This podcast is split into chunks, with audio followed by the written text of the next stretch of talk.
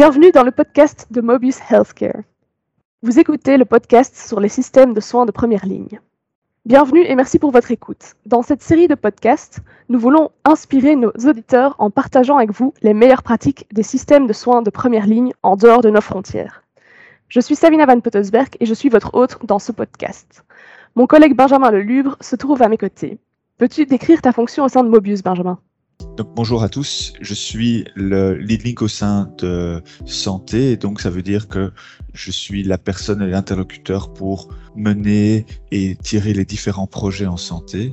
J'ai comme expérience un diplôme d'infirmier que j'ai pratiqué pendant euh, cinq ans pour ensuite évoluer dans la gestion de projets au sein de différents hôpitaux avec un master en santé publique euh, avec une orientation en politique et système de santé. Depuis maintenant plus de dix ans, je navigue au sein du système de santé, que ce soit dans les soins aux personnes ou alors dans l'accompagnement d'hôpitaux dans un premier temps ou de différents hôpitaux et institutions de soins dans leurs différents défis, ainsi que euh, gouvernement et administration depuis que je suis arrivé chez Mobus il y a trois ans.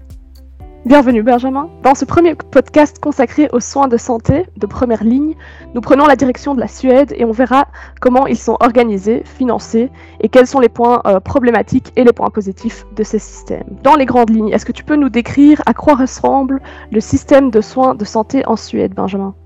Donc, le système de santé suédois a euh, dispense à peu près à 9 millions et demi de personnes, donc comparable à la Belgique, euh, des soins. Euh, le système de santé est régulièrement classé dans les meilleurs systèmes de santé au monde et on peut dire qu'il s'améliore constamment grâce à des solutions innovantes ou à des investissements dans des technologies récentes qu'il fait. Et donc la Public Health Agency suédoise est en charge des différentes questions de santé publique au niveau national. Elle met euh, et elle définit les priorités euh, sur une bonne santé de ses citoyens. Le système de santé lui-même se base en fait sur trois principes assez simples qui sont premièrement l'égalité d'accès aux soins, deuxièmement que les soins soient prodigués en fonction du besoin, mais également, et ça c'est le troisième point, vis-à-vis de l'efficience euh, du système de santé au niveau des coûts. Cette activité, ben, elle est évidemment réglementée par la loi sur la santé et les services médicaux. Euh, c'est Health and Medical Service Act qui euh, entérine cette réglementation. Et le rôle euh, du gouvernement est en fait de fixer des principes et des lignes directrices pour établir l'agenda euh, et d'établir l'agenda en fait pour la santé et les soins de santé en Suède. D'accord. Est-ce que tu peux nous en dire plus euh, sur les coûts des soins de santé en Suède et comment ils sont financés?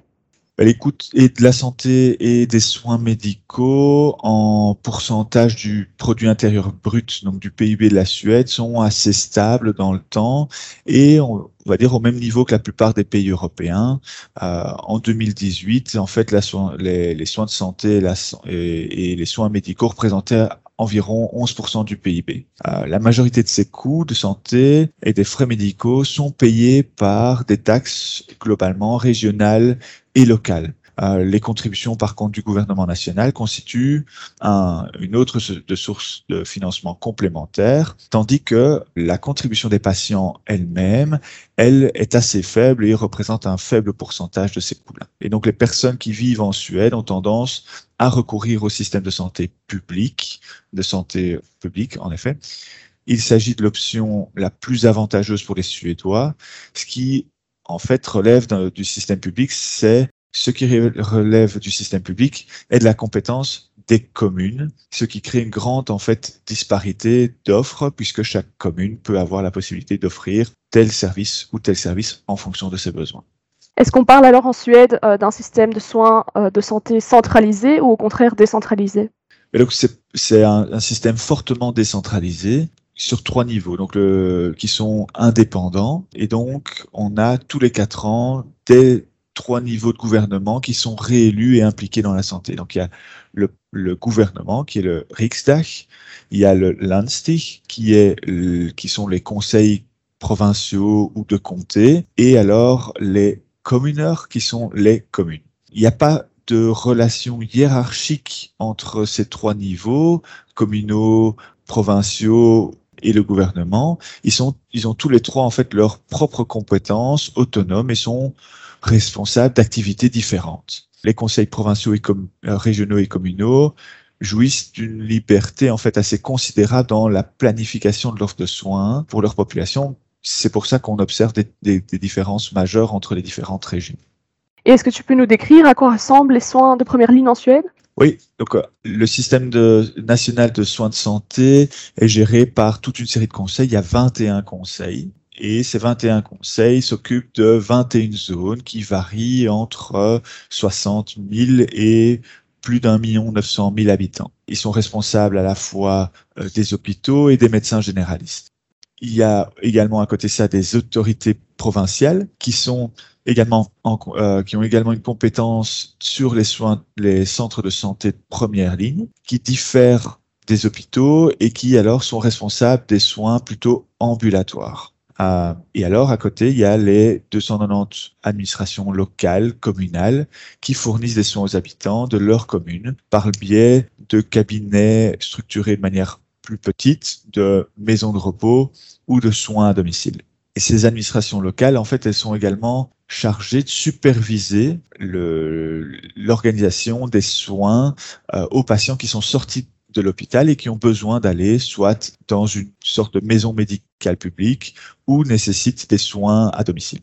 Donc en fait, ces soins de première ligne sont souvent dispensés dans la pratique de manière regroupée et groupée. En Suède, en fait, il y a environ 1200 centres de soins de santé de première ligne, euh, Primary Health Care Centers, qui ont une moyenne de 4 médecins généralistes par centre, allant pour certains de un seul médecin généraliste à 20 médecins généralistes par centre. Donc, les soins de santé de première ligne sont généralement dispensés par des équipes pluridisciplinaires qui comprennent au minimum un médecin et une infirmière, un médecin généraliste et une infirmière. Mais également et fréquemment d'autres travailleurs de la santé, des travailleurs sociaux, des psychologues et des psychothérapeutes.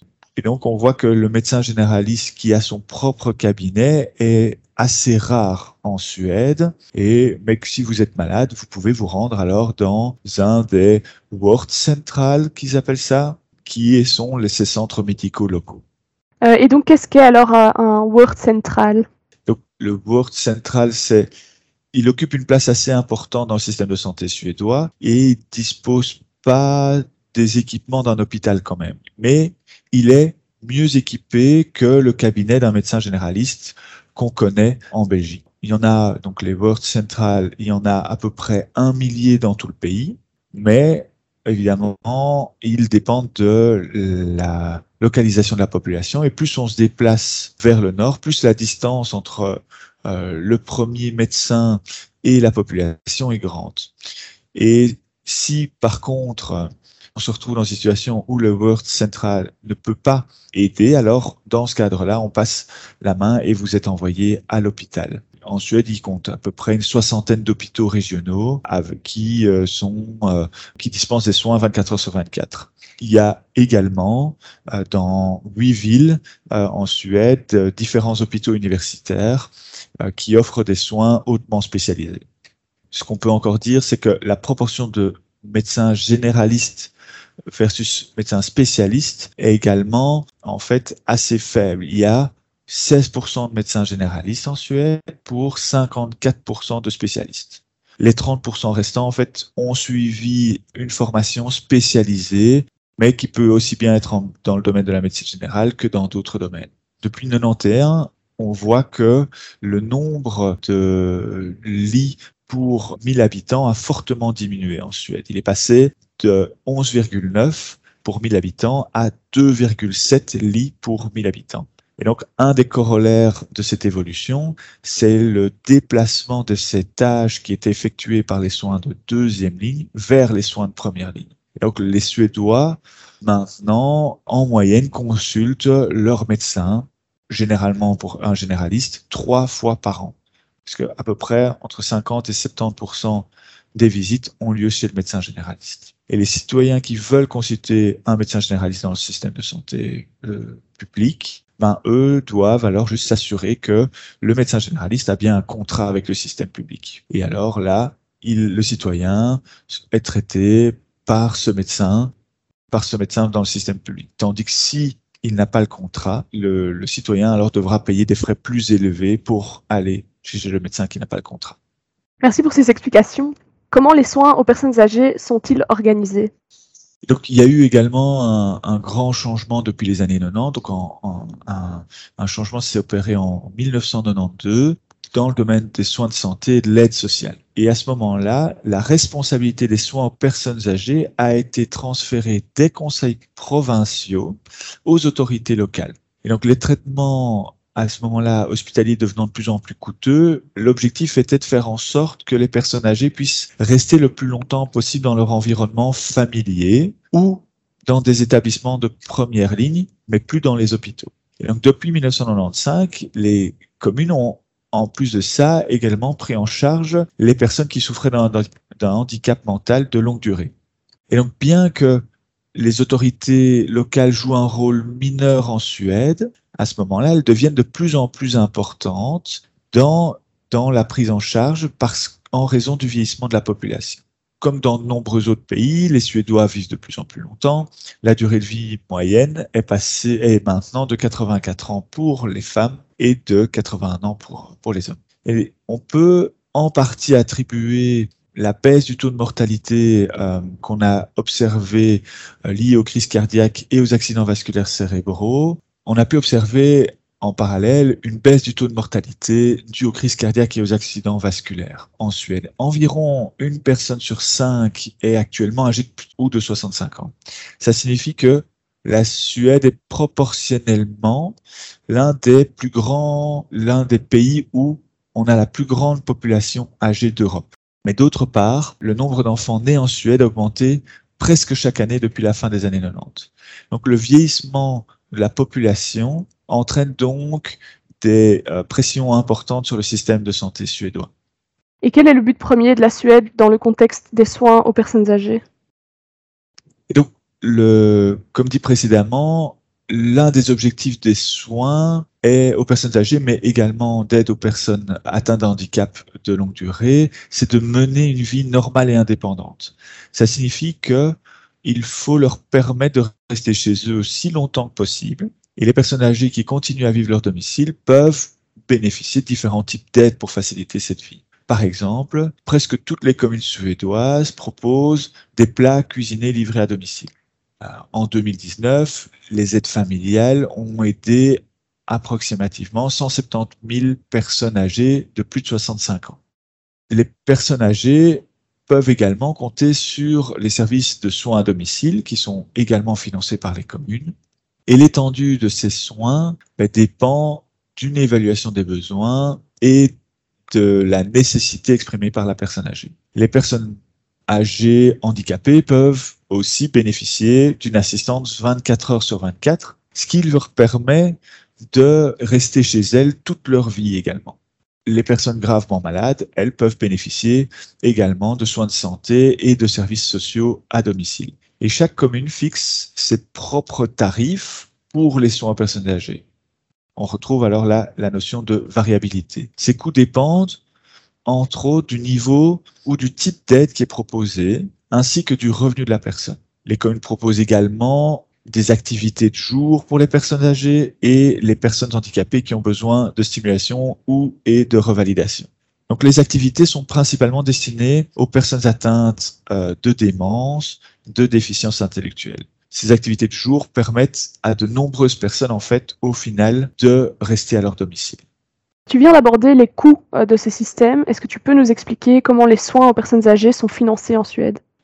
Oui, euh, donc on a dit tout à l'heure que on avait des financements essentiellement communaux et régionaux. Et ici, la plupart des soins aux personnes âgées sont financés par des taxes locales et les subventions de l'État. En 2017, le coût de ces soins aux personnes âgées en Suède s'élevait à 11,6 milliards d'euros. De plus en plus de communes choisissent de privatiser une partie de leurs soins aux personnes âgées en laissant alors les prestataires de soins privés gérer leurs propres euh, opérations et, euh, et, soins. En 2018, ben, les soins privés ont fourni à peu près 23% des soins et des services aux personnes âgées bénéficiant de soins à domicile. Et tous les bénéficiaires de soins peuvent choisir de confier leurs soins à domicile ou leurs besoins et leurs nécessités de soins à des prestataires, soit privés, soit publics. Toutefois, l'autorité locale est toujours responsable, en, en, dernier recours, de questions telles que le financement et l'attribution des soins à domicile ou d'une place dans une maison de soins spécialisée. Au cours de la période 95-2005, le nombre d'entreprises privées dans le secteur des services à la personne a depuis été multiplié par 5. Euh, merci pour ces explications euh, du système de soins de santé suédois. Euh, Est-ce que tu pourrais mettre en avant les problématiques de ce système de soins de santé? Oui, en effet. Donc, récemment, l'OCDE a constaté que le délai moyen d'attente entre le moment où un généraliste réoriente son patient après une consultation est d'environ 12 jours.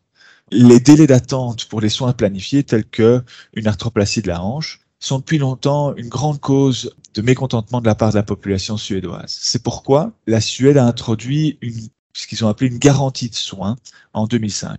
Ça signifie en fait que tous les patients doivent pouvoir entrer en contact avec leur World Central, leur, leur, centre de santé local, le jour même où ils demandent de l'aide et ils doivent pouvoir bénéficier d'une évaluation médicale dans les trois jours. Après une première consultation, le temps d'attente, par contre, chez un, pour un rendez-vous chez un spécialiste ne pourra plus excéder 90 jours. Et donc, cette limite des 90 jours s'applique aussi pour une intervention chirurgicale ou un traitement, une fois que les, soins nécessaires ont été déterminés au préalable.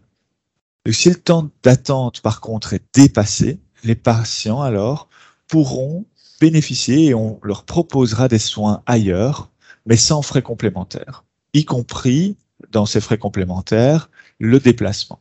Donc, ce qui fait que les statistiques de janvier 2020 montrent que approximativement 88% des patients ont pu bénéficier d'une consultation chez un spécialiste dans les 90 jours et que 82% reçoivent un traitement ou subissent une intervention chirurgicale dans les 90 jours supplémentaires. Mais évidemment, en lien avec le Covid, ces statistiques vont évidemment changer et on évaluera par la suite les résultats liés à, cette, à la pandémie. Le système de santé fortement décentralisé en Suède, c'est également une de ses sources d'inefficacité. La décentralisation donne en fait aux provinces une extrême flexibilité, ce qui complique la coordination entre les provinces et les communes. Et donc, les systèmes de santé est géré dans une large mesure et dans une large mesure financé au niveau local, bien que au niveau légal et au niveau juridique, il est au niveau central, ce qui augmente également la complexité de coordination. Donc des voix s'élèvent au niveau politique pour demander une renationalisation du système de santé suédois. Moi, je ne me prononcerai pas euh, sur la question de savoir si c'est un bon choix ou un mauvais choix, euh, mais être ministre de la Santé et de l'aide sociale en Suède, c'est un peu comme être un marionnettiste de 21 marionnettes, mais sans avoir les ficelles pour pouvoir coordonner le tout.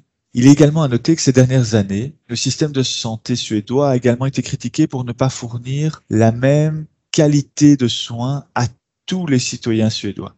Ça a été surtout mis en évidence lors de la pandémie de Covid-19 où les médias suédois et les chercheurs de santé publique ont fait remarquer que les citoyens suédois d'une autre ethnie et les personnes vivant dans un quartier populaire mourraient du coronavirus avec un taux nettement plus élevé que le reste de la population. Donc là, on reprend les trois, quatre défis importants à, relever pour ce système de santé. Et est-ce que tu pourrais également mettre en avant les points forts euh, de ce système? Oui, je pense premièrement à la prévention. Donc les soins de santé peuvent soutenir le patient dans leur démarche de vie vers un mode plus sain. Et donc la politique de santé suédoise s'articule autour de nombreux thèmes qui, tous mis ensemble, jouent un rôle important dans cette promotion d'une bonne santé pour tous un exemple, c'est que la Suède met souvent l'accent sur l'importance d'un bon logement et de bonnes conditions de vie pour élever ses enfants. Parallèlement, le système de santé euh, joue un rôle également particulièrement important dans la prévention des maladies. il est scientifiquement prouvé que les mesures de prévention et de promotion de la santé ainsi que de prévention des maladies dans le cas des soins de santé peuvent être efficaces pour modifier le mode de vie des patients. Les soins de santé étant en contact avec de nombreuses personnes et bénéficiant de la confiance de ces citoyens, eh ben, les conditions de base étaient également réunies pour contribuer à avoir un impact sur une meilleure santé publique. Il est encore tout de même plus courant de proposer des conseils euh, sur le mode de vie dans le cadre des soins de santé de première ligne, par exemple, que dans celui des soins spécialisés. Un autre élément, c'est que la Suède lance également de nombreuses campagnes et augmente euh, certaines taxes pour sensibiliser le public sur diverses problématiques et afin de favoriser un mode de vie et faciliter un mode de vie sain en augmentant par exemple les taxes sur le tabac et l'alcool. Est-ce que tu peux nous donner euh, quelques exemples de ces points forts? Euh, Oui, un, premier exemple, c'est euh, l'espérance de vie après un diagnostic de cancer. Donc, ces dernières années, le taux de survie après un diagnostic de cancer a fortement augmenté en Suède il est maintenant parmi les plus élevés de l'Union européenne. Depuis le lancement de la stratégie nationale de lutte contre le cancer en 2009, la Suède a fait de gros efforts pour améliorer ses soins.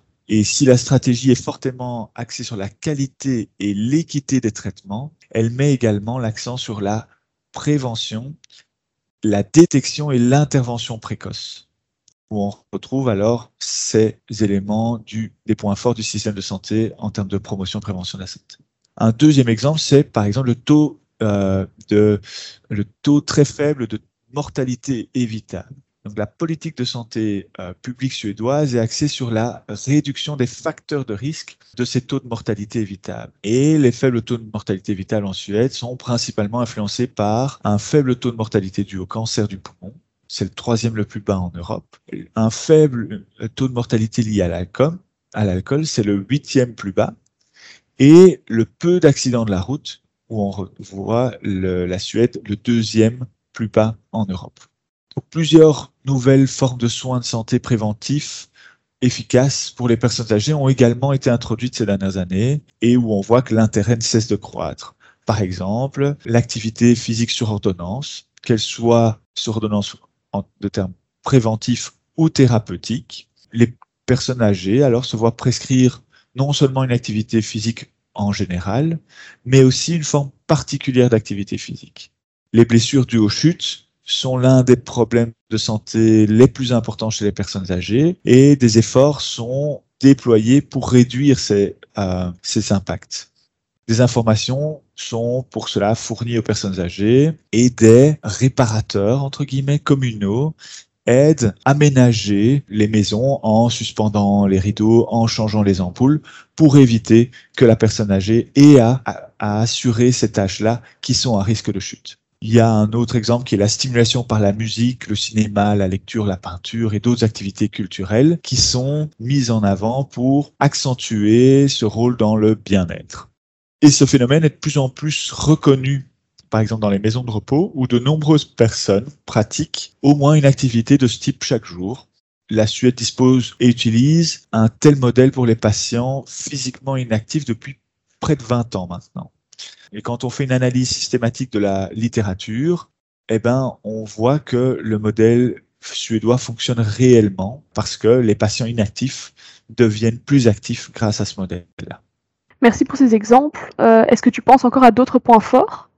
En deuxième lieu, en fait, je pense à l'accent mis sur la qualité des soins et la sécurité des patients. Bon nombre de défis auxquels est confronté le système de santé suédois s'observent également dans d'autres pays et comprennent des questions d'accessibilité, de qualité, d'efficacité ah, ou de son financement. Un domaine prioritaire pour la Suède, c'est la sécurité des patients. En 2011, elle a adopté une nouvelle loi sur la sécurité des patients qui offre aux patients et à tout bénéficiaire de soins de santé, ainsi qu'aux membres de leur famille, de nouvelles possibilités d'influencer la qualité des soins. Et l'objectif est de faciliter le signalement de traitements abusifs.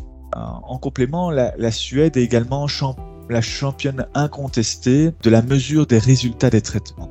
ce succès est principalement dû à une forte implication des prestataires de santé et donc dans l'enquête nationale auprès des patients qui mesure chaque année la façon dont ceux-ci perçoivent la qualité des soins. Les questions portent sur le traitement, l'implication du patient, la confiance dans les soins et dans l'information. Ces informations sont collectées par chaque conseil régional et chaque région et sont utilisées pour améliorer continuellement les soins.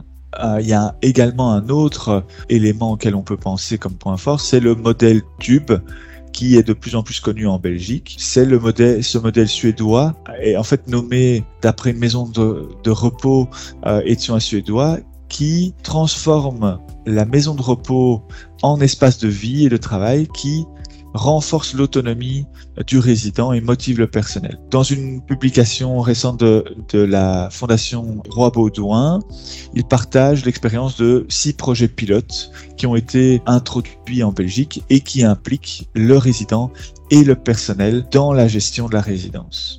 Une évaluation après un an et demi de ce travail avec le TUP modèle dans les six maisons de repos a montré 53% du personnel confirme dans leur service que les soins se sont nettement améliorés, ce qui est assez important. 67% du personnel, compte 50% au départ, a également déclaré qu'ils influencent la façon dont leur département fonctionne.